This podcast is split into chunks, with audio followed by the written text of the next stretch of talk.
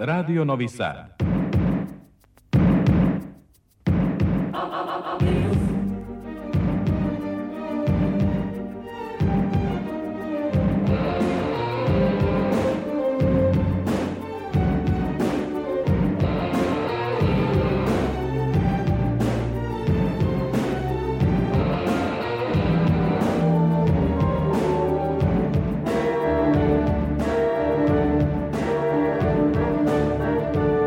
Spektar.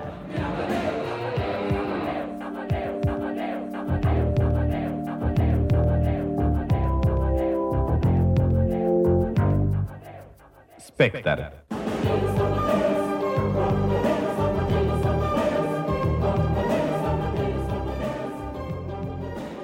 Dobro veče. Ja sam Tatjana Novčić-Matijević, počinje Spektar, magazin prvog programa radija, radio televizije Vojvodine za kulturu i o kulturi. Potroši smo i mart. Na šta, u šta i za šta, to naspram individualne volje za procenom, fajlovi u umetničkim poljima pune se sadržajima, stoga u spektru večeras. Film Munje opet, Radivoje Raše Andrića pred publikom. Odabrane predstave za 68. Sterino pozorje. Nikola Stanišić, novi laureat nagrade Sterinog pozorja za najbolji dramski tekst. Dragana V. Todoreskov objavila prvu knjigu priča, posthumno objavljen poslednji roman Branka Andrlića Andrle. Za spektar govore i Vesna Perunović, likovna umetnica koja živi u Kanadi, vizuelne umetnice Karolina Mudrinski i Sibila Petenji, Milena Kulić, urednica časopisa Kult koji okuplja mlade stvaraoce i novi direktor opere Srpskog narodnog pozorišta Željko R. Andrić. Prilično bogata ponuda, Nadam se da ćete ostati sa nama na 87,7, 99,6 i 99,3 MHz ultra kratkih talasa. Tako reći do ponoći, ako ne, ili više volite e, na odloženom slušanju, Spektar će već od naredne sedmice biti na sajtu Radio Televizije Vojvodine.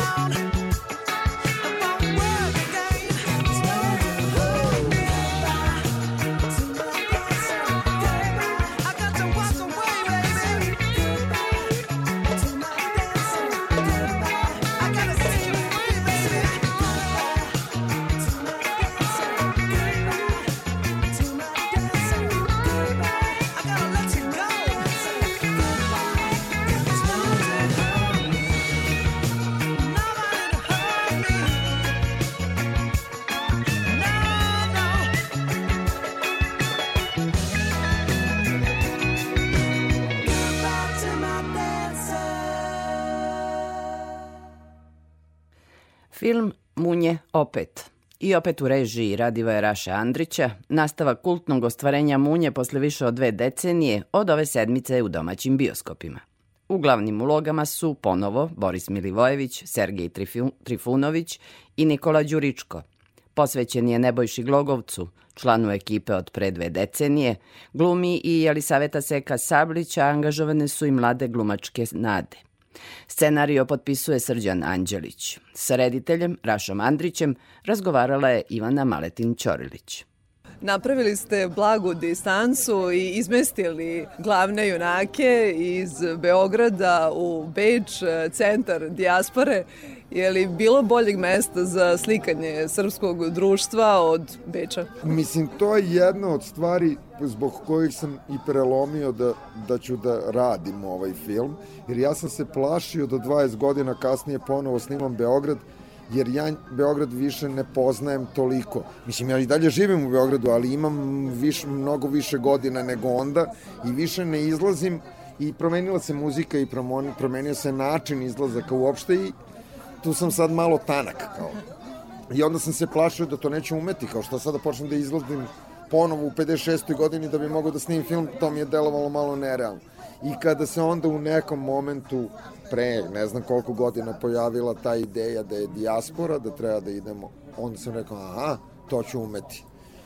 Da, glavni junaci filma sa Beogradskog asfalta su premešteni u Gojkovu producensku kuću, faktički hram šunda i kiča koji možda i savršeno slikava sadašnji trenutak. Da, pa jes, mi smo, i onaj prošli film je bio o duhu vremena. Samo što je to bio duh vremena od pre 20 godina, a sad smo pokušali da isto to uradimo, ali da je duh vremena ovog sad vremena, jer bilo bi besmisleno da, da snimamo sad nešto što je prošlo vreme. Mislim da smo to uspeli, kao i muzikom, i kostimom, i izborom glumaca između ostalog, da, u, da, da, da kao novo vreme uključimo u stare junake. Ta završna scena u diskoteci Gas ima više značenja, ali zanimljivo je da junaci koji predstavljaju jednu struju, mainstream i alternativu, pronalaze tu neki zajednički jezik, pružaju ruku pomirenju. Pa da, mislim, i onaj prvi film je, ovaj, kad, kad kao pogledaš, tamo su isto bile neke dve struje muzike, jedna je gitarska, a druga je elektronska muzika, pa smo u tom filmu prvom su se te dve kao muzike spojile u ovoj završnoj stvari, a tako je i, i u ovom filmu, samo što su samo što su ekstremniji ovi a, krajevi te muzike. Da, da, da. Ova muzika je, ne znam, iz moje generacije, a ova druga muzika je muzika nove generacije koja je potpuno drugačija. Ali smo se trudili da u filmu imamo i jedne i druge muzike. Muzički urednik je scenarista Mjehur Ubica, odnosno Srđa Anđelić.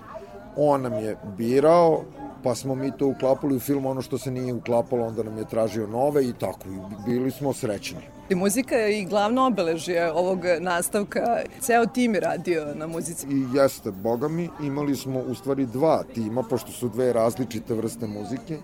Jednu muziku su radili uh, Eufrot i Mikri Maus Prti BG u saradnji sa Kojotom, onda je Sergej tu imao vokalne svoje deonice, a drugu muziku su radili Cobi i Basiviti, uh, tu mm, pevačicu Milu Silu koju igra Miona Marković, oni su radili tu muziku, znači kao ovo je muzika stare generacije, da kažem generacije X, a ovo je muzika nove generacije, generacije Z. I između svega toga mnogo raznih bendova. s- iz trenutnog vremena i boga mi nešto malo iz starog vremena, a Boki Milivojević u saradnji sa Eufratom je radio filmsku muziku. Nema je mnogo, pošto ima već dovoljno ove muzike već, da kažem, gotove, ali smo nam ne, na nekim bi nam je delovima bila potrebna filmska muzika, to je Boris Milivojević glumac radio, on nam je već radio o, za seriju Ujka Novi horizonti muziku, tako da smo bili super zadovoljni s njim i kao rekli, aj ovde ako bude nešto, nismo mi znali da će toga biti, nego ako bude nešto, nešto da nam dodaš malo nekih bitova, nečega, on je naravno pristoji i onda je stvarno toga i bilo. Tako da eto, to su u stvari četiri vrste muzike. Eufrot i njegova ekipa, Cobi i Basivity, i arhivska muzika i Boki kompozitor i Bok je još obradio, uradio nove aranžmane za hitove iz 90. godina koje je obradio u Kalipso aranžmanu, to nam se to je smislio Mjehur, to nam se učinilo da, da hitove iz mračnog vremena obradimo u nekom veselom aranžmanu. I koliko je bilo zahtevno sve to uklopiti i snimati na svim tim lokacijama sa tako velikom glumačkom ekipom? Pa da, bilo je zahtevno vrlo. Imali smo dobru ekipu, ono, sve su bili suri profesionalci. Ja sam imao prilično veliku sektor režije, imao sam pomoćnika režije, asistenta režije, zaduženog za rad sa glumcima, prvog asistenta režije i drugog asistenta režije. Znači, četvoro nas je bilo samo od asistenata i pomoćnika, plus sekretarica režije, pa plus čovek zadužen za product placement, znači ima, bili smo ono pokriveni, jer, jer sam ja na tome insistirao, znao sam da nema šanse sve to sam da uspem. Postojile su neke scene u kojima je 13 glumaca. I sad kad zamislite, znači dobro sad kao ono kad se sprema snimanje ti svakome kažeš šta radiš, mi smo pre toga imali prole, probe, svako zna od prilike šta radi, temeljni, pa mo, da. mora tako, inače to ne možeš da rešiš na snimanju, snimanje je skupo i mora da ide ekspresno da bi, da bi što kraće trajalo to vreme kad je skupo. A ovo vreme pripreme je jeftino, to je kao ne košta ništa, jedna kancelarija i ako nemamo kancelariju, nalazili smo se i po parkovima, kafićima, ne znam šta, i eventualno nekome kao lova za taksi, kao ili benzin, to znači nije neka lova. I onda možeš koliko hoćeš vremena, 3 sata, 3 sata, 4 sata, 4 sata proba, a snimanje ono moraš po kadru 40 minuta i ideš dalje. I onda je problem je bio kad ti posle svakog dubla treba da priđeš 13 glumaca i da kažeš dobar si ili ovo ranije uradi ili moraš to brže ili moraš sporije ili privuci pa nešto. I sad zamislite ako svakome govorim, ne znam, 30 sekundi, ima ih 13, pa svaki kadar, ka- kadrova smo dnevno snimali 30-ak, pa onda 6-7 dublova, to je ogromna količina vremena, tako da sam se ja sa svojim asistentom Nikolom Todorićem podelili smo ekran na pola, levu i desnu polovinu, ja gledam levo, on gleda desno i onda on trči desnim glumcima, ja trčim levim glumcima, govorim šta treba da popravi i tako smo duplo skratili vreme i to je bilo naravno užasno naporno. I te scene su sjajno uspele i za kraj, koliko vam je bilo teško da se prebacite sa jednog filma koji je obeležio prošlu godinu, leto kada sam naučila da letim, na nastavak Munja i jeste li osjećali pritisak budući da je mnogo pažnje izazvao ovaj nastavak? Uh, nije mi bilo teško da se prebacim, jer kao o, o, o, o taj film Leto, kada sam ja izlazio iz njega, on je već bio mesec i nešto u bioskopima, već je imao veliku gledanost, deca su bila zadovoljna, roditelji su bili zadovoljni i nisam imao opterećenja toga, tako da sam se čiste duše upustio u novi film, ali sa tad sam već savladao strah, ali sam naravno imao veliki strah, ono kao kad spojite sve strahove ovih uh, fanova prošlog filma, svi su naravno imali sumnju, ko što bi ja imao sumnju, ono kad je Kum 2 jao, da li će da bude dobar kao Kum 1, to je normalno. Sigurno neće biti dobar, nema šanse. Tako sam ja mislio. Sad, svi ti strahovi tih ljudi i sumnje, kad se skupe, e, moj je bio toliko jak. Ja sam baš imao užasnu odgovornost e, e, zbog starog filma. Jer kao ti ako sad ovde ne uradiš dobro, promašiš, a moglo je da se promaši na milion, ono, stran putica su mogle da nas zavedu, znači, mnogo je lakše promašiti nego pogoditi. Znači, imao sam odgovornost pored novog filma i taj stari, kao da ne, da ne, da ne pokvarim sećanje na stari film. I to je dupla odgovornost, to stvarno nikome ne treba u životu. Hvala na razgovoru i želimo da ovaj film pronađe put i do publike i do kritike. Hvala.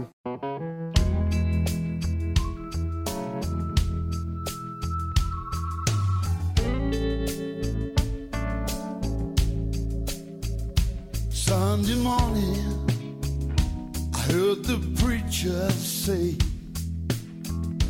Thou shalt not kill. I don't wanna hear nothing else about killing, and that is God's will. Our children are watching us, they put their trust in us, they're going to be like up. So let's learn from our history and do it differently. Oh, baby. From more love, more joy, and laughter. We'll have more than you'll ever need. We'll have more.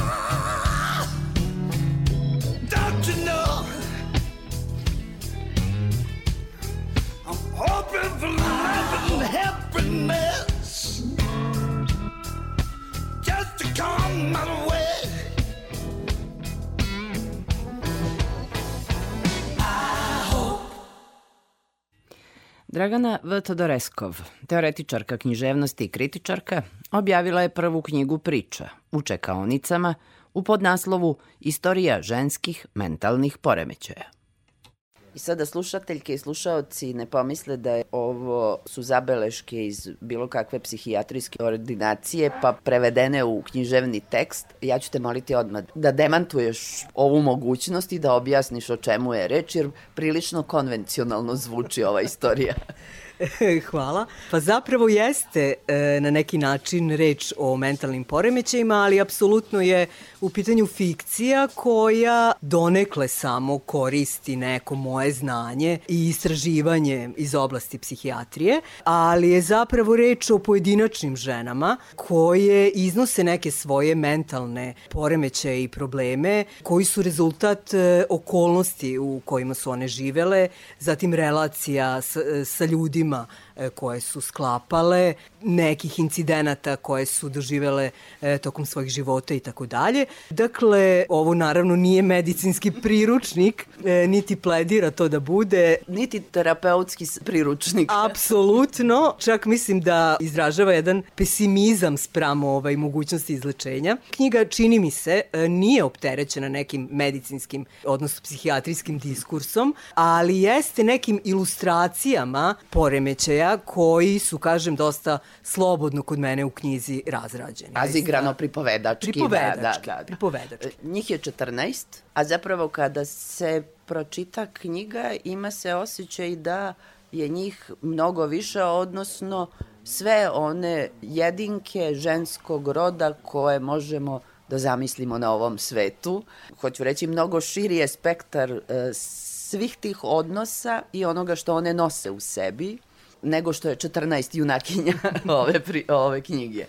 Kako s komponovanjem knjige išlo? Išlo je tako da sam e, birala, napravila koncept zapravo e, koje bi poremeće, odnosno bolesti, da tako kažem, htela da, da ovaj, obradim. I onda sam e, pošla nekim redom koji nije bio ono obavezujući, e, nego prosto priče su išle same od sebe i nastojala sam da junakinje u zavisnosti od poremeća smestim u određeni kontekst. Recimo, ako je u pitanju, ne znam, agorafobija, koja je rezultat toga da devojka ne može da saopšti roditeljima svoju seksualnu orijentaciju, da recimo ona potiče iz male sredine u kojoj su roditelji toliko konzervativni da im tako nešto ne bi ni palo na pamet, a u kojima e, sa druge strane imaju očekivanja od nje da bude dobra supruga, dobra majka, neko ko će povremeno dolaziti u selo, čim će se mužem oni hvaliti i tako dalje i tako dalje. Tu žena jeste mnogo više, tu su zastupljene i upravo one žene koje, kako je napisala jedna od recenzentkinja, jesu zapravo nosioci onih e, patrijarhalnih vrednosti. Njih je čak i dosta, uglavnom su to majke, nekada svekrve, nekada prosto osobe sa kojima se junakinje sreću, poput, ne znam, sutkinja, radnica centara za socijalni rad, lekarki, medicinskih sestara i tako dalje, koje nisu u stanju da razumeju ove žene koje su nositeljke radnji i koje su zapravo e, najugroženije. Sadržajno sve te priče su ispričane na jedan vrlo dinamičan način, sa što je još zanimljivije sa mnogo različitih perspektiva pripovedanja, jer naravno tu su prisutni i muškarci, jer kako bez muškaraca u, u bilo kojim relacijama u životu. Prilično je svaka priča razigrana. Čak i kada govori o najvećim inhibicijama, ona u ovom jezičkom izražaju je pa usuđujem se da kažem lepršava. Da, birala sam različite perspektive, različite glasove. Tako mi se recimo za jednu od pripovedaka učinilo da je najbolje da ispriča e, muškarac, e, zapravo ispovedajući se svešteniku, gde sam naravno nastojala da njegove poglede na život i njegove uopšte hrišćanske vrednosti u koje se kune e, prikažem na jedan šaljiv način, odnosno opovrgnem zapravo sve ono što on e, ističe kao nešto što su njegove vrline. U nekim e, situacijama se prosto nametao prvi glas, ne znam, ili forma dnevnika, ili negde se nametao dijalog između muškarca i žene, negde se nametao prosto... Narator. E, Narator, da. sveznajući pripovedač koji će e, voditi priču, menjati vremena i tako dalje, šetati nas zapravo kroz, kroz različite ovaj periode e, Nekad života. je ti forma, da, da, da. da. Nekada i ti forma, tako je. Prosto svaka priča je zahtevala e, neki drugačiji pristup i da, zaista postoji ta dinamika radnje. Čini mi se da sam je ostvarila čak i na nivou rečenice, gde nekada zaista ono sečem i u rečenici kažem nekoliko, nekoliko stvari, što možda jeste neki napor za čitaoca, čitateljku, ali sa druge strane možda i ne mora da bude, nego prosto eto tako, radnja ide. Nije ovo isključivo intimistička knjiga tih junakinja. Zato što su sve one u realnom kontekstu, društvenom, vremenskom, istorijskom i sve ono što, a one su uglavnom tu srednjih godina, dakle, imaju sećanje na detinstvo ili mladost u gadnim 90-im, kada su njihovi rođaci, očevi odlazili na ratišta, vraćali se ili se nisu vraćali. Imaju sećanja na siromaštvo. Te formativne godine su provedene u užasnim okolnostima, što negde pa daje im za pravo da imaju ta svoja iskliznuća iz onoga što definišemo kao normala. Jeste, evo, upravo u jednoj priči junakinja je 40-godišnja e, profesorka književnosti e, koja se pita gde su nestale njene, njene iluzije, njene književne ambicije. Zapravo ona je u razgovoru sa svojom majkom istakla kako e, je baš naravno ironično, e, divno živela tokom 90. godina, nabraja sve ono što je morala da preživi. Sa druge strane, jedna od priča se dešava upravo 90. godina u vreme kada bujaju građanski ratovi na prostoru nekadašnje e, Jugoslavije, e, gde je junakinja neprekidno u nekom svetu gde se mimo nje odvijaju ratovi koje ona percipira kao nešto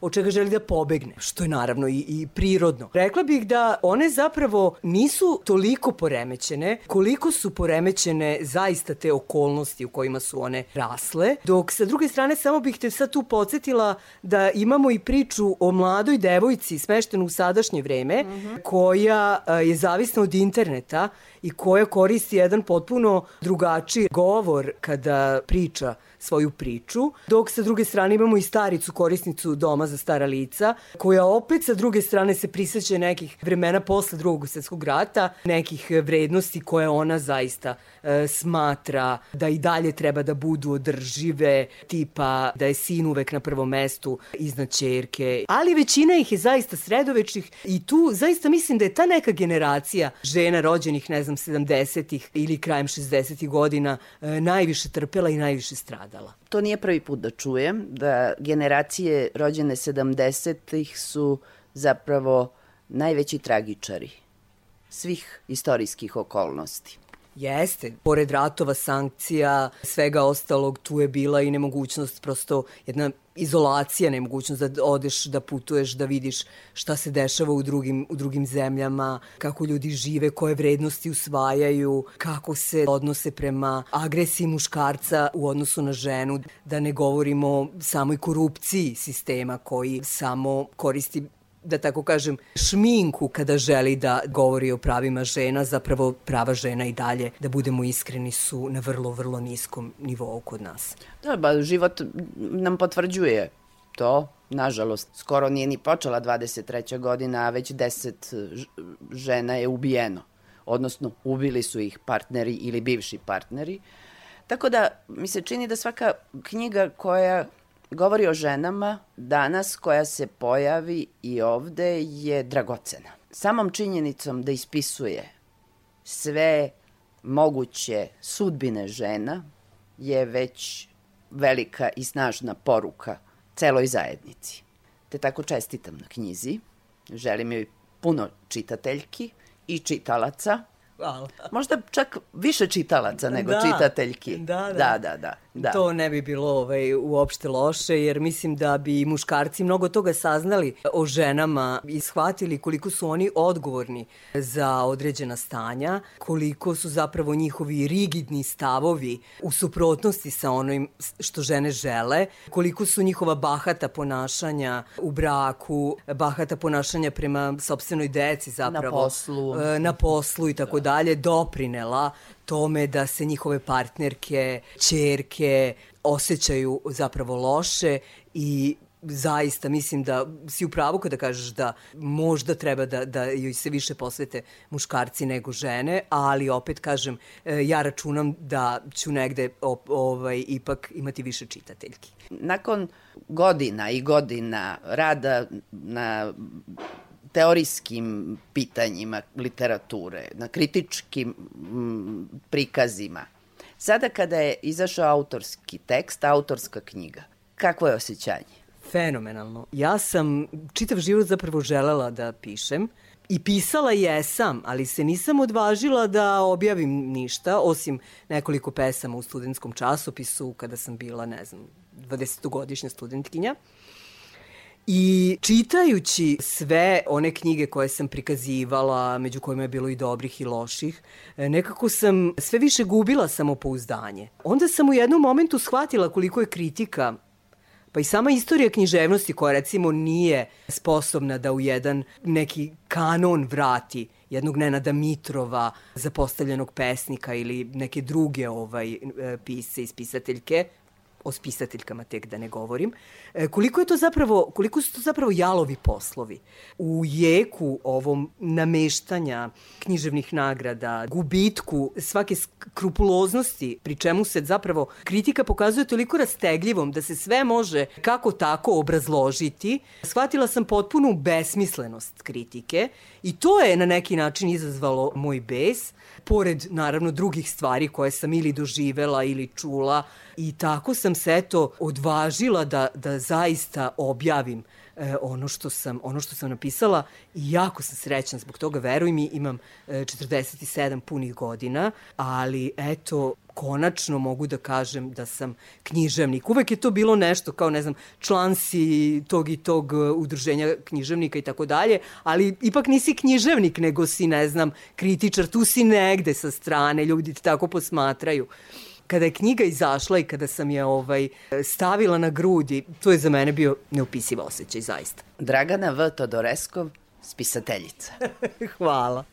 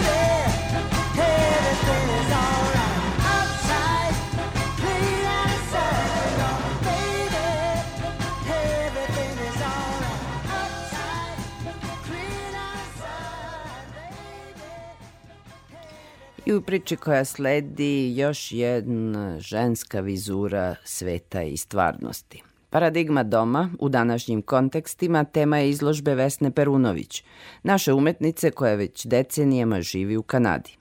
Istražuje fleksibilnost pojma doma u onom fizičkom, neposrednom razumevanju, kao i osjećaj bliskosti i zajedništva. Pojam koji je u istorijskim i savremenim geopolitičkim relacijama izgubio značenje ukorenjenosti, kaže umetnica u razgovoru sa Aleksandrom Rajić. Ova izložba paradigma doma novo mesto pripadanja je u stvari jedna mini retrospektiva, možemo reći. To su poslednjih 20, 20 godina mog rada i u pitanju je interdisciplinarna praksa koja već traje više od 30 godina. Na izložbi su znači različiti mediji, počeši od crteža do fotografije, dokumentacije performansa, zatim video radova, instalacija i objekata. Pre deseta godina imali ste e, veliku retrospektivu u Novom Sadu, sećamo se, potom još u nekim centrima u Srbiji. Imali ste i e, retrospektivne izložbe u gradovima u Kanadi. I svogde tu vidimo da upravo to što govorite, da prolazite kroz različite medije kada govorite o svojim temama. E, vaša stalna tema su tema migracija, nomadizma u životu umetnosti. E sad, rekla bih da ste nekako obrnuli igricu ovom temom doma i ukorenjenosti. Zapravo ista pitanja postavljena na neki drugačiji način. Tema doma je počela da, da bude vrlo važna tema, tako reći prominentna tema u mom radu od kad sam napustila zemlju 88. godine i sve teme koje su koje nekako orbitiraju, koje se vrte oko te osnovne teme doma, kao što su identitet, kao što je prilagođavanje, tranzicija, kulturne različitosti, migracija, kretanje, to su sve teme koje se vrte oko te teme doma, a tema doma je neka osnovna tema, kako kažem, pa pojam taj doma, šta je dom, to je neka osnovna potreba koje, koju svi imamo i sad na ovoj izložbi je, je posmetrana iz konteksta ličnog, znači mog, mog ličnog nekog iskustva, migracije i, i dijaspore i iz nekog univerzalnog globalnog konteksta koji je jako uh, u žiži, da kažemo, sa svim ovim krizama koje su krenule, počeši od ove masovne migracije izazvane ratovima u Siriji i Afganistanu do ovih nekih e, e, prirodnih nepogoda kao što svi do pandemije. To su sve e, neki događaji koji su masovno iselili masovni broj milione ljudi koji su naravno u nekoj sad tranziciji između domova, između nekog stalnog prebivališta i, i težnje da nađu neko to novo sigurno mesto. Šta je to što možete nazvati e, domom, odnosno paradigmom doma? To je sad jedan neki light motiv u stvari mog rada, to da je dom u stvari jedan, za mene postoje jedan vrlo fleksibilan koncept, jer, jer taj dom, e, taj neki idealan dom u stvari nije nađen. On je negde između ta dva neka doma, mog doma u Kanadi i mog doma ovde koji već imam deseta godina u, u Srbiji gde se, da se stalno vraćam. A takođe su t, e, moji domovi negde i su u svetu raspoređeni globalno. Ja pohađam te umetničke rezidencije po svetu, tako da boravim tu po dva, tri meseca i to uvek postane moj neki novi dom, neko mesto gde istražujem mogućnosti da razvijem svoju praksu, da se upoznam sa tom novom nekom kulturom i to su u stvari takođe moje mesto da ja formiram taj neki mali mini dom. Znači uvek je i to kretanje između tih svih mesta i u stvari traženje, u, poente u tom nekom non stop traženju. Može li se e, reći da je dom zapravo i zajedništvo istih pogleda na svet? Zapravo ono što karakteriše vašu umetnost to je mnoštvo grupnih izložbi, evo rekli ste i mnoštvo rezidencija i boravaka, dakle zajedništvo u tom plemenu umetnika. Da li je i umetnost e, svojevrsni dom? Apsolutno, ba dom je vrlo jedan širok pojem. Ja kažem, neki, neka ta primarna jedinica doma je naše telo. Naše telo je naš jedini zaista dom koji nas prati od, od, od rođenja pa do smrti. Znači tu smo neki dom na koji smo osuđeni celim svoj, celog svog života. A te, te kontakte koje pravimo sa drugim ljudima, to je takođe ta zajedništva, mislim, koje se ispoljavaju na razne načine socijalnog nekog pripadanja ili religioznog pripadanja i ovog pripadanja koje ste vi pomenuli, koje je taj neka umetnički, ume, umetnici, pogotovo oni koji su nomadi, koji su stalno Veće su takođe jedna zajednica i oni predstavljaju taj jedan uh, fiktivni, jedan, jedan virtualni uh, zajednički dom. Ja na izložbi imam jedan rad koji se zove Dobrodošli, welcome, da sam ja pozvala sve moje prijatelje iz sveta da, da mi pošalju tu reč na svom jeziku. Welcome, znači oni su i stvorena jedna kakofonija svih tih uh, dobrodošlica kroz sve te uh, glasove koji su meni poznati, dragi i bliski koje, koje ja volim. Otišli ste, evo rekli ste davno u Kanadu pre 35 godina i pre ratova u Jugoslaviji ne nosite taj teret izbeglice, već iskustvo e, dijaspore. E sad, šta je za vas povratak na tim relacijama i zapravo kako vas prepoznaju u Kanadi? U Kanadi sam ja e, dosta, mislim, ima jednu, jednu uspešnu i dugotrajnu karijeru koja je takođe podržana od svih saveta kulture koje, koji o, daju novac za podršku umetnicima koji rade praksu koja, koja je etablirana, ali prepoznaju me po tim temama, naravno, po tim temama koje su u stvari vrlo bliske kanadžanima. Kanada zemlja imigranata, kao što znamo, gde se imigranti jako komforno osjećaju, prihvaćeno, osjećaju se prihvaćeno, dobrodošlo i, i taj spoj svih tih kultura, različitih jezika, imena i sve to, to, to meni jako prija. To je nešto što, što inspiriše moju praksu i, i što je, što je neki jako pozitivan jedan moment u, u mom životu u dijaspori u Kanadi. Ja prosto volim taj, e, to okruženje koje je tako različ, puno različitosti. A u Srbiji me opet e, impresionira taj neki entuzijazam koji ljudi imaju prema svojoj profesiji, uopšte koliko su predani svom poslu i koliko puno rade sa vrlo malim sredstvima koje su dodeljene kulturi. Znači to me nekako jako privlači da takođe ti kontakti sa umetnicima i ljudima iz profesije koje sam ostvario tokom tih e, desetak i godina koliko se stalno vraćam u ovu zemlju, mislim ponovo. I sve te stvari se nekako dopunjuju i, i, i stvaraju jedan vrlo plodan teren za mene da, da razvijam svoju praksu i da radim na tim temama koje me zanimaju. I mi vas sa zadovoljstvom čekamo da se na tim putovanjima da svratite i u Novi Sad, da predstavite ono što imate. Ja vam se zahvaljujem na ovom razgovoru i evo samo na kraju da pozovemo uh, slušaoce da do 20. maja pogledaju izložbu u legatu Milice uh, Zorić i Rodoljuba Čolakovića. Hvala puno.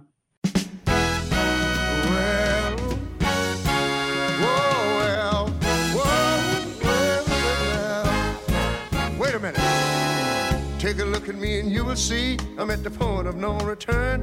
I am. Grab a chair and you can hear a lesson that I've learned. I thought I tamed love and I had it by the tail, but I didn't know how to act. No, if you don't love love like you know you should, you know love's gonna bite you back.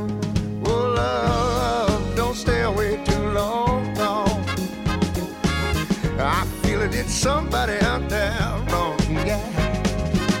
Please believe me, cause I know what I did before won't do no more. No, no. I should have been there when you were lonely. Girl, I know I should have been there when you were cold. Mm-hmm. I should have been your one and only. Yes, and I should have loved you heart and soul, baby. Take a look at me and you will see I'm at the point of no return, girl. Grab a chair and you can hear a lesson that I've learned. I thought I tamed love and I had it by the tail, but I didn't know how to act. If you don't love love like you know you should, you know the love's gonna bite you back. Oh, love, don't stay away too long. No, I feel did somebody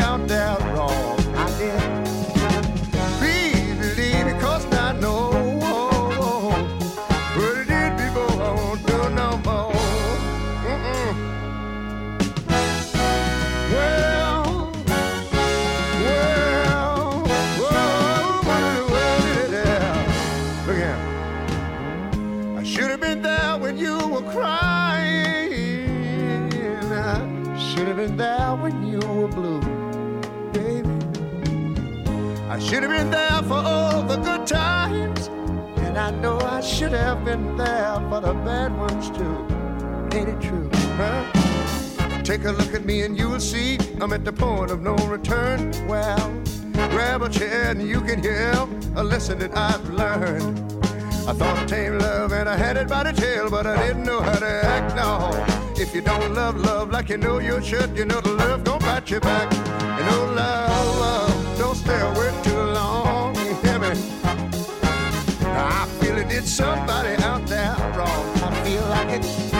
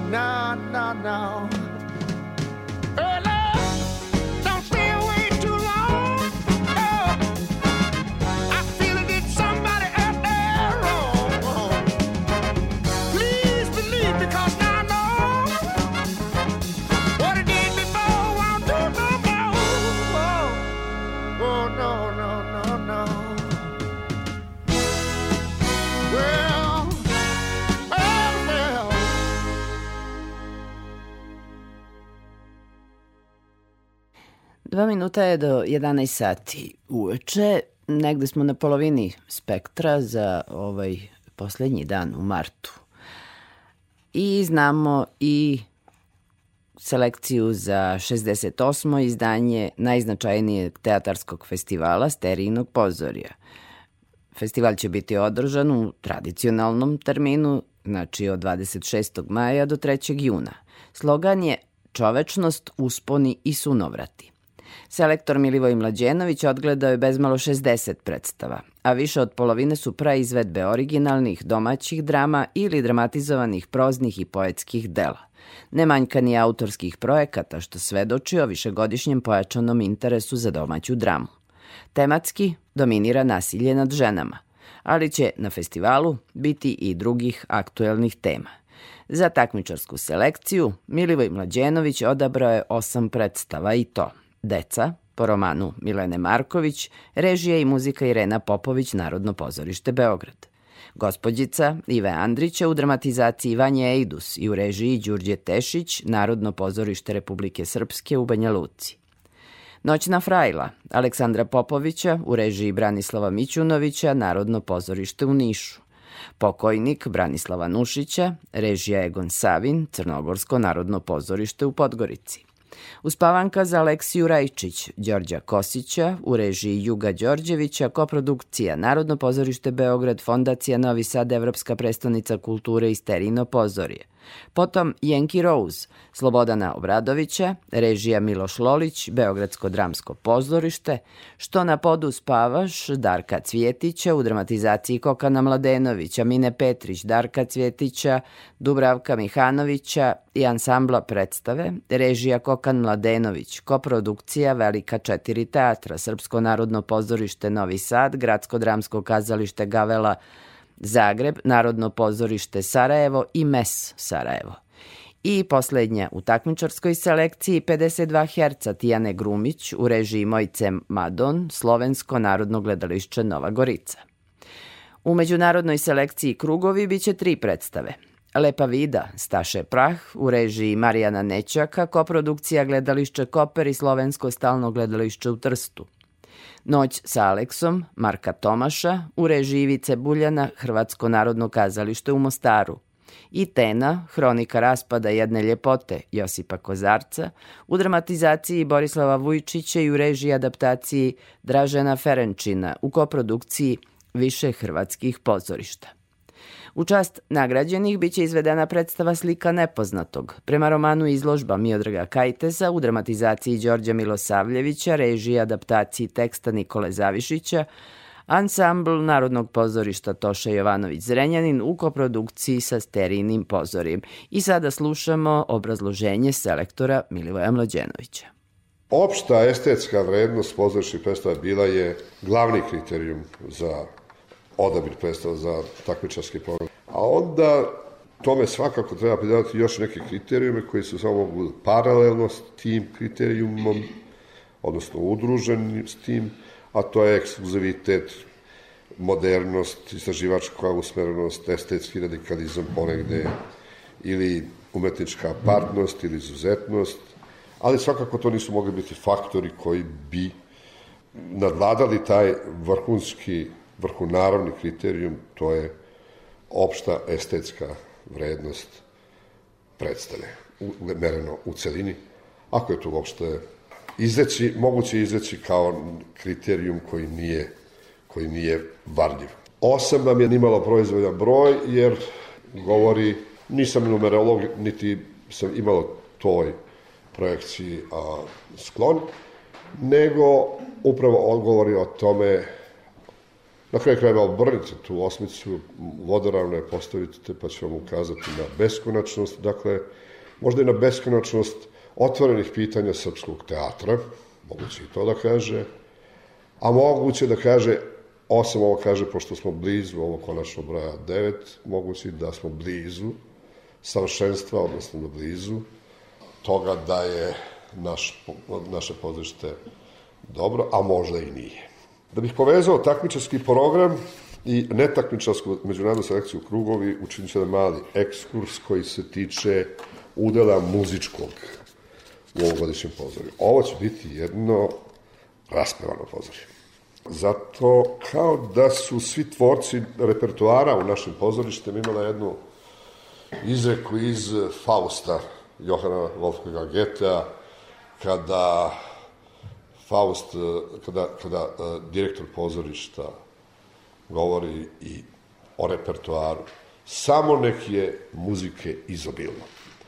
I to je jedan od podataka i to je jedna od činjenica ovogodišnjeg pozorja koja, koja je dragocena, koja je važna, koja na više ravni govore. To se dakle vidi, ja sam prebrojavao dominantno u šest predstava je muzika. Jedna je potpuno muzička predstava, to je dakle deca, zatim je Yankee Rose, takođe smesa mjuzikla i muzičkog teatra, a moga mi Boga i u Spavanki za Aleksiju Rajčić, takođe imamo da prisutnu muziku, u Noćnoj Frajdi imamo muziku prisutnu u 52 herca i tekako i pevanja i muziciranja tokom cele predstave, pa i u Gospodjici i na kraju krajeva u svim u svim predstavama. Dobro, muzike ima svuda, ali pa toliko izobilno nije bilo odavno.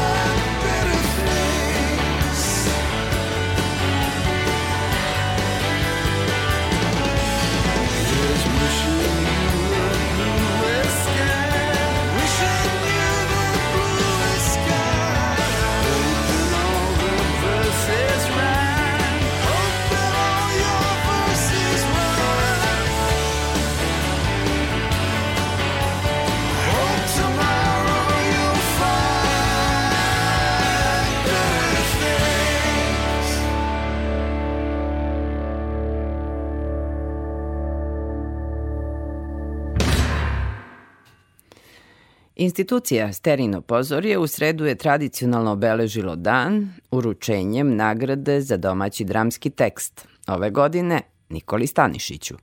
Žiri je odluku obrazložio uz komentar da je tekst originalan, celovit i inventivan, a da se takva priča nije desila od serije Sivi dom. Mladi laureat Nikola Stanišić kaže da mu je neizmerno drago što će se Sterija konačno, kako kaže, vratiti kući. Sa njim je razgovarala Ana Čupić. Tekst Kavez za ptice dobio je nagradu za novi dramski tekst koji nije uh, postavljen. Kako se ti osjećaš nakon ovoga, obzirom da si iz Vršca, dramaturg? Kada dolazite iz Sterijenog grada i, i dobijete Sterijenu nagradu, to je samo po sebi velika stvar, a onda je još veća zato što ta nagrada ide kući. Tako da to je stvarno neverovatno. Ti si tek na drugoj godini dramaturgije, a već iza sebe imaš uh, jedan tekst koji živi na sceni tri evropska pozorišta zapravo u Vršcu, u, u pozorištu Sterija, u Segedinu i u Temišvaru, to je bila kao produkcija, predstava, atmosfera je u pitanju. Koja je sfera tvog delovanja? Šta te najviše zanima i o čemu najviše voliš da pričaš i pišeš? Aha, uh, pa generalno volim da, mislim, kao društveno angažovane teme, eto, kao, kao što je Kavez za ptice, on se stvarno bavi decom koja odrastaju u kazneno-popravnom domu i nekako to su nekako važne teme o kojima treba pričati, a malo se govori o njima. I, I to je ono što me privlači. Eto, uh, Suza Svetog Lavrentija koja je takođe postavljena na sceni Narodnog pozorišta Sterija, govori o nekako kako bih to rekao, više nekoj depresiji tome što, što sad jeste postalo aktuelno da se priča o tome, ali ali nekako treba govoriti što više o tome kako bi se taj problem osvestio kod ljudi. Šta je dramaturgija danas? I šta za tebe predstavlja dramaturgija? To je već preteško pitanje. mm, pa ne znam šta je dramaturgija danas. E, zapravo dramaturgija danas može biti bilo šta. Mislim da su nekad e, ranije postojali ti neki okviri, a sada mislim da ne postoje nikakvi okviri i to je zapravo dobra stvar jer onda daje mogućnost e, autorima da se iskažu, a opet drams, dramskim pisima, a, a dramaturzima da uđu u neke nove sfere do kojih sada nisu možda mogli da dođu. Da. A da li je teško danas kao mladi dramaturg predstaviti se svetu i da li imaš neki način rekl samo reklamiranja e, ili e, nisi još uvek stigao do toga? Pa, mislim, izuzetno je teško doći do bilo čega danas, jer, jer je baš nekako masovno e, i hiperprodukcija u raznim sferama, tako da je jako teško doći do, do posla i do uopšte ljudi da primete tvoj rad. A, eto, jedini, jedini vid neke promocije su ovi konkursi i to je sad naravno na sreću, na, na kvalitet, na milion nekih stvari, pa se dođe do, do nečega, ali, ali mislim da je teško, teška situacija. Teško je danas u pozorištu, da. A da li imaš nešto što bi možda poručio svojim mladim kolegama? Pa da šalju svoje radove na konkurse i da šalju svoje radove u pozorištima, jer eto kao svašta danas ima u pozorištu, pa zašto ne bi i oni pokušali da nekako ostvare svoj san ili, ili šta god to bilo. Mesto, da nađe svoje mesto. Pravo da kažu jer imaju šta. Tako je. Tako je. Hvala ti najlepše.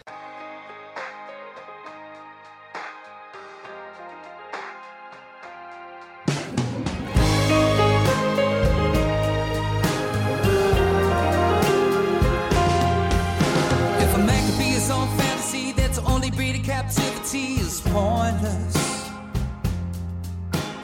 I've been doing what I like, when I like, how I like, it's joyless. Only you know me. What a waste to wear this piece, Baby steps into my sleep to say sorry. I get hysterical, historicals. If love is just chemicals, give us something to stop me.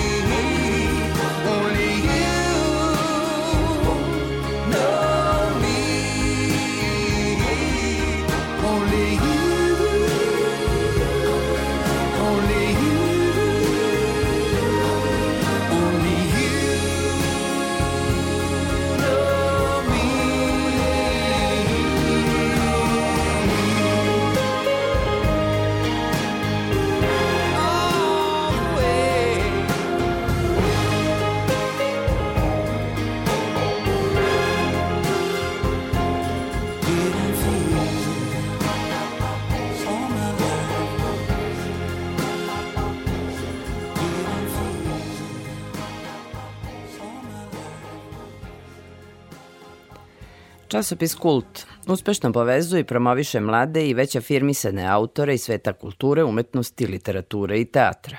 U utorak u Novosadskoj knjižari Zenit obeležit će svoj sedmi rođendan. Et, upravo tim povodom, sa glavnom i odgovornom urednicom Kulta, Milenom Kulić, razgovarala je Isidora Bobić. Časopis Kult uskoro puni sedam godina. Čime se vi to sve bavite i da li vam predstavlja olakšicu ili poteškoću to što izlazite samo u virtuelnom, odnosno elektronskom izdanju?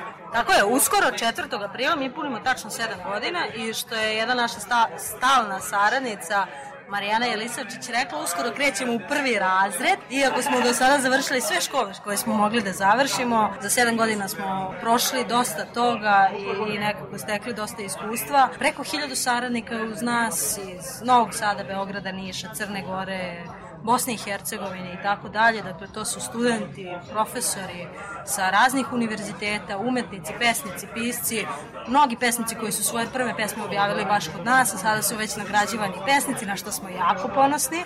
Dosta rubrika, dosta obrađenih tema koje su možda bile tabu u nekom trenutku, ali mi se od samog početka borimo za neku istinu i neku istraživačku i naučnu misao. Pored poezije i proze mi imamo nekoliko rubrika na koje smo jako ponosni. Tu se temeljno bavimo pozorišnom umetnošću, objavljamo pozorišnu kritiku u rubrici Teatromanija. Tu je rubrika Objektiv na Kafi Sa gde objavljamo intervjue.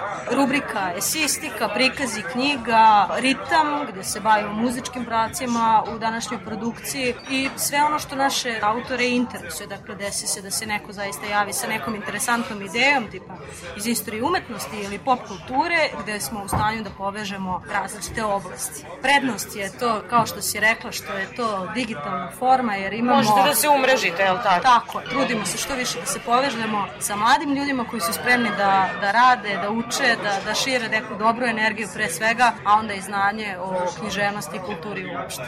Rekla si da ste se bavili mnogim tabu temama. Šta bi izdvojila kao najegzotičnije čime ste se bavili? A, naš prvi temat je bio posvećen tabu umetnosti i mi smo tu objavili nekih 30 tekstova baš o tome šta je tabu danas, šta je tabu bio te 2016. godine kada smo osnovani, a šta je tabu 2023. To sve zavisi od autora naših, dakle 30 različitih autora, 30 različitih tekstova o raznim temama kao što su žene u umetnosti, žene u književnosti, književne nagrade. Kakav je kriterijum da li je nešto dostojno da uđe u časopis Kult ili ne? U uredništvu smo Mina i ja, Mina Kulić i ja. Naravno tu je... Dve sestre. Tako je, tako Svaka je. čast. Naravno tu je niz naših stalnih saradnika koji nam konstantno evo iz godine u godinu pomažu sugestijama, savetima, idejama, dakle ovako uz kafu, piće se rode najbolje ideje, kao što je sad ideja našeg rođendana 4. aprila u, u Zenitu. Kada je u pitanju neki esej ili prikaz knjige, dakle tu su neka estetička načela koja tekst mora da zadovolji da bi bio objavljen, naravno Sestre biraju. sestre biraju nego šta. Mislim da o kvalitetu najbolje svedoči činjenica da svi ti saradnici za vas rade volonterski, odnosno bez honorara. S jedne strane to je divno, ali sa druge strane je šokantno kako to da niste do sada, pored tolikog uspeha i primećenosti, uspeli da pronađete način da se finansirate? Mislim da najlepše stvari u životu nastaju iz ljubavi. Kao što naša draga profesorka, isto saradnica kulta, profesorka Ljilja Pešikanja Duštanović zna da kaže ne zna dete šta je 100 kila, uhvati pa nosi. Tako da ima i toga. Mi smo kult osnovali kada smo bili druga, treća godina e, književnosti, odnosno druga. I od tada nekako verujemo da se dobra energija poklapa sa dobrom energijom i da iz te dobre energije mogu da nastanu neverovatne stvari. Pozvaćemo naše slušaoce na promociju časopisa Kult. Knjižara Zenit, 4. april u 7 sati. Dođite na našu zajedničku rođendansku žurku da proslavimo sedmi rođendan. Do tada bih pozvala da nam se svi zainteresovani javljaju, da pišu svoje ideje, šalju svoje tekstove na adresu uredništvo časopiskult.com. Najvažnija stvar je da zavire na naš sajt i vide šta smo sve novo spremili za njih.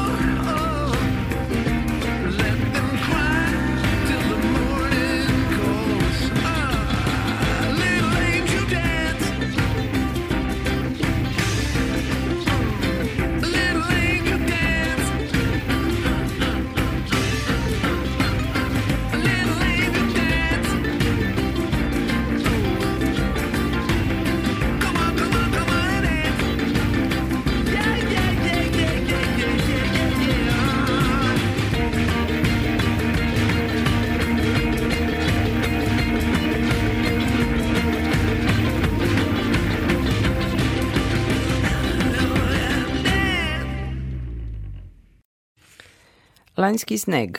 Naziv je romana Branka Andrića Andrle, koji je krajem prošle godine posthumno objavio Kulturni centar Vojvodine Miloš Crnjanski. Andrla, jedinstveni novosadsko-bečki multidisciplinarni umetnik, nastradao je 2005. godine na autoputu između gradova u kojima je živeo i stvarao. Roman Lanjski sneg uredio je Mirko Sebić. Kako ste došli do teksta? Pa evo, mogu da ispričam celu priču. Naime, mi smo hteli da u prošlogodišnjoj izdavačkoj delatnosti obradimo delo Branka Andrića Andrle, njegovo prozno delo i ja sam tražio da vidim ko ima prava i od naslednika. Došao sam u kontakt sa njegovim sinom, koji se takođe zove Branko Andrić.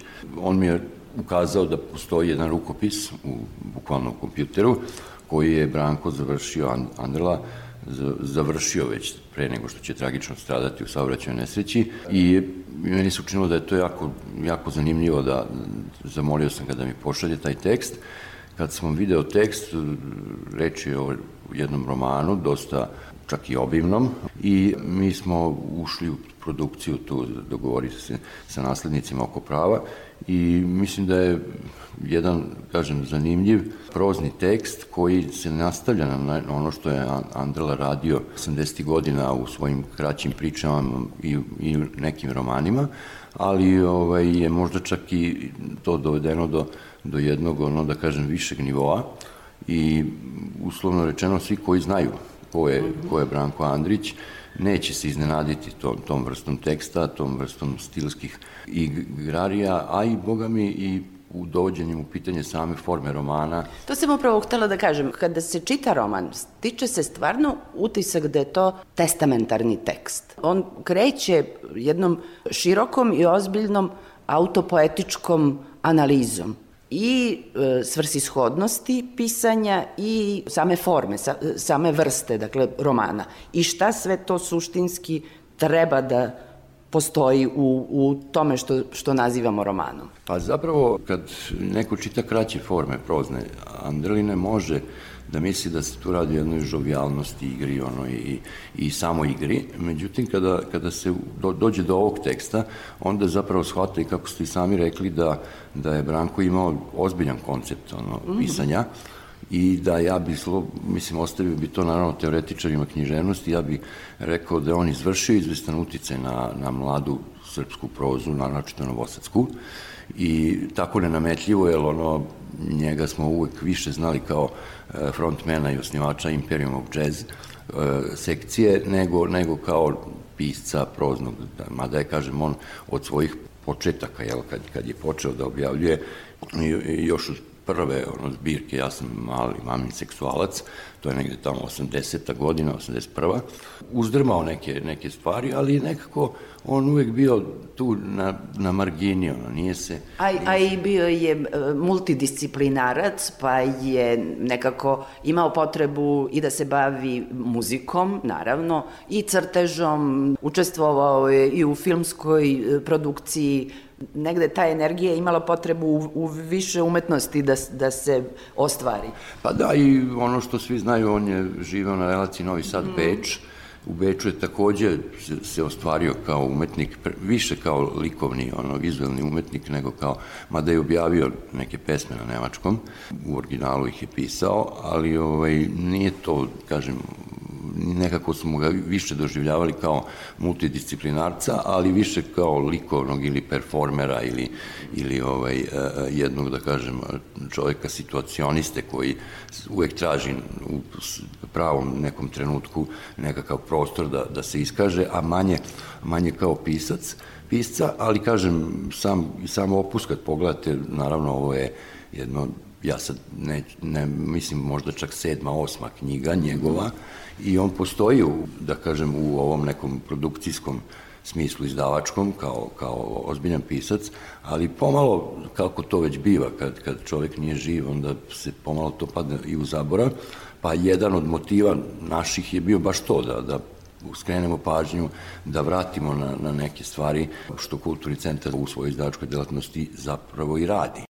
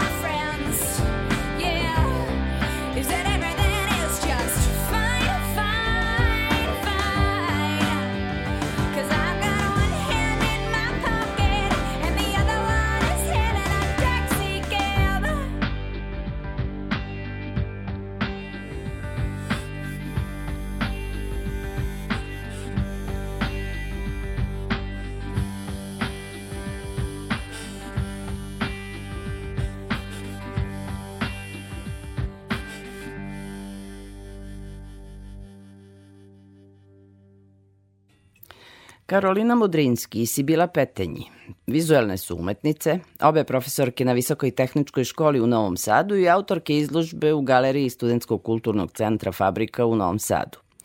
Izložba se bavi kosmološkim problemima, matematičkim modelima i teorijom haosa u dijalogu dveju umetnica. One iskušavaju našu percepciju prezentovanjem površina, prostora i fotografija, ali i etiku, jer su modeli na njihovim fotografijama štenad bačena u prazan prostor sasvim bezbedno napominju onako kako to rade ljubitelji i vlasnici pasa. Slušamo Karolinu Mudrinski i Sibilu Petenji zabeležila Aleksandra Rajić. Tema su više dimenzionalni prolazi i prostori i kako čovek na koji način može da dokuči više dimenzionalnost oko sebe s obzirom da se mi krećemo u tri dimenzije, znači boravimo, bitišemo u četiri dimenzije. To je sad jedna interesantna problematika s kojom se ja bavim već dugi niz godina. Jel? Od svog magistarskog rada doktorskog i evo sad ovog segmenta koridora. Životinje su jednostavno prezent prolaska iz tih višedimenzionalnih sistema. Bio mi je potreban jedan element, jedna tema nova koja bi uključivala, po znacima navoda, realan život, realno sagledavanje unutar matematičkih umetničkih predstava, prezentacija prostora. Citat, odnosno apropriacija, odnosno referenca na Dalija, na šta konkretno? Znači, Salvador Dali je bio jedan vrlo interesantan umetnik, naravno svi znamo za njega, ali je on prezentovao kolektivno nesvesnu ideju predstave života kroz odnos prema životinjama. Meni je to bilo strašno interesantno i upotrebila sam taj segment njegovih eksperimentalnih fotografija iz 40. i neke godine prošlog veka, gde on napravio seriju vrlo interesantnih fotografija snimljene u svom hermetički zatvorenom prostoru, ateljevu gde je bacao životinje u prostor i gde je bacao elemente svog slikarskog ambijenta zajedno i on je skakao zajedno sa njima. Kod vas je reč o psima, da li to nešto govori o nekom vašem odnosu prema ljudskoj prirodi? Psi su nas povezali, a bavimo se prostorom jedna i druga, tako reći smo diametralno suprotne, neverovatno suprotne. Jedan su matematički principi u pitanju, a kod mene je totalni haos.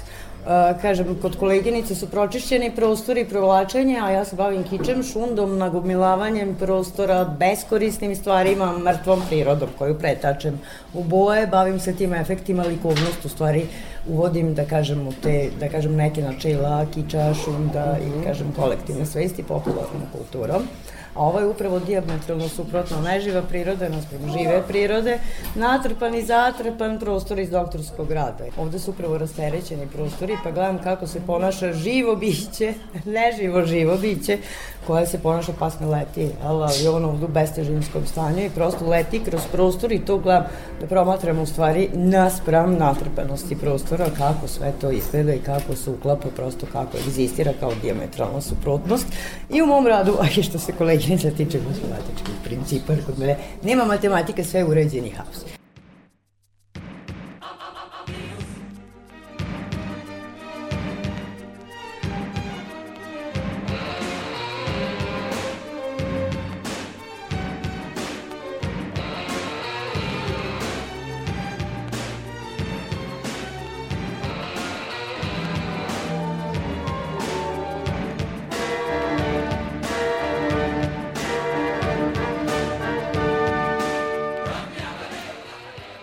Poslednja priča u večerašnjem spektru. Premijerom Evgenija Onjegina, opera Srpskog narodnog pozorišta, počela je obeležavanje 75 godina obnovljenog i kontinuiranog rada i 125 godina od izvođenja prvih operskih predstava u Novom Sadu. Premijernim izvođenjem dirigovao italijan Walter Atanasi, reditelj je koreograf italijan Lino Privitera. Tim projektom ujedno se predstavio i novi direktor opere, Željko R. Andrić. Još jedan Andrić večeras. O utiscima sa premijere i planovima sa njim je razgovarala Ivana Maletin-Ćorilić. Čestitke na jubileju, 75 godina opere Srpskog narodnog pozorišta i 125 godina od izvođenja prvih operskih predstava na sceni Srpskog narodnog pozorišta. Jednom velikom premijerom otpočeli ste svoj mandat. Kakvi su prvi utisci? Tačno, hvala vam puno. Još uvek nemam utiske, još uvek ih sakupljam. E, u principu sam zadovoljan, prilično zadovoljan, jer ono na šta sam ja najveći akcent davao, svi su osetili i to mi se jako dopalo, bar, bar ovi ljudi koji su mi sad prišli posle predstave. E, ja lično sam uživao, gledajući sa ove strane, sad je to za mene novo, jer ovaj, do sad sam bio uvek na onoj strani, na sceni. Drago mi da smo izveli Onjegina, drago mi da mi je to prva predstava na ovoj poziciji. Jeste li pokušali da sagledate repertoar operski SNP sad sa druge strane, iz ove druge pozicije i čime biste želeli da ga obogatite, a šta biste želeli da zadržite? Mi imamo dosta dobar repertoar, tekući repertoar. E sad, ono što ja želim jeste da, da neke predstave postavim ponovo. Iste naslove. I prva predstava koju ću da postavim ponovo će biti Traviata, sigurno, ali ne kažem da će mi to biti prva premijera. Jer još uvek sam u nekim uh, razmišljanjima oko toga šta bih uradio za sledeću premijeru, jer uh, ima nekih uh, dosta momenta koji se dešavaju i koje bih trebao da ispoštujem, a još uvek sad vagam koje, šta će biti prvo. Postoji još neka ruska opera koju bi trebali da izvedemo, a postoji jubilej Pučinijev, sledeće godine, a postoji i Kavalerija Rustikana, na primjer, koju ja izrazito volim i zajedno sa pajacima. Nisam siguran još šta bi, šta bi bilo sledeće, ali siguran sam ta predstava koju budem radio da mora da bude nešto posebno. To sam siguran. Ovu predstavu sam preuzeo, naravno, jer ja sam tu direktor dve ili tri nedelje, a ova predstava se već radi neko, neko duže vreme. Naravno, obogatio sam je nekim svojim idejama. Ekipa koja je radila predstavu je fantastična, e, u smislu režisera, dirigenta, koreografa, a solisti naravno naši iz kuće, jako sam ponosan. E, ono šta, šta e, hoću da naglasim jeste da će Onjegina u jednom momentu da izvode svi mladi solisti. Mnogima od njih će biti prvi nastup sa, ajde da kažem tako, većim ulogama na sceni i vrlo moguće da će to biti četvrti Onjegin, znači 19. aprila. Hvala najlepše i puno uspeha u radu. Hvala vama, divni ste.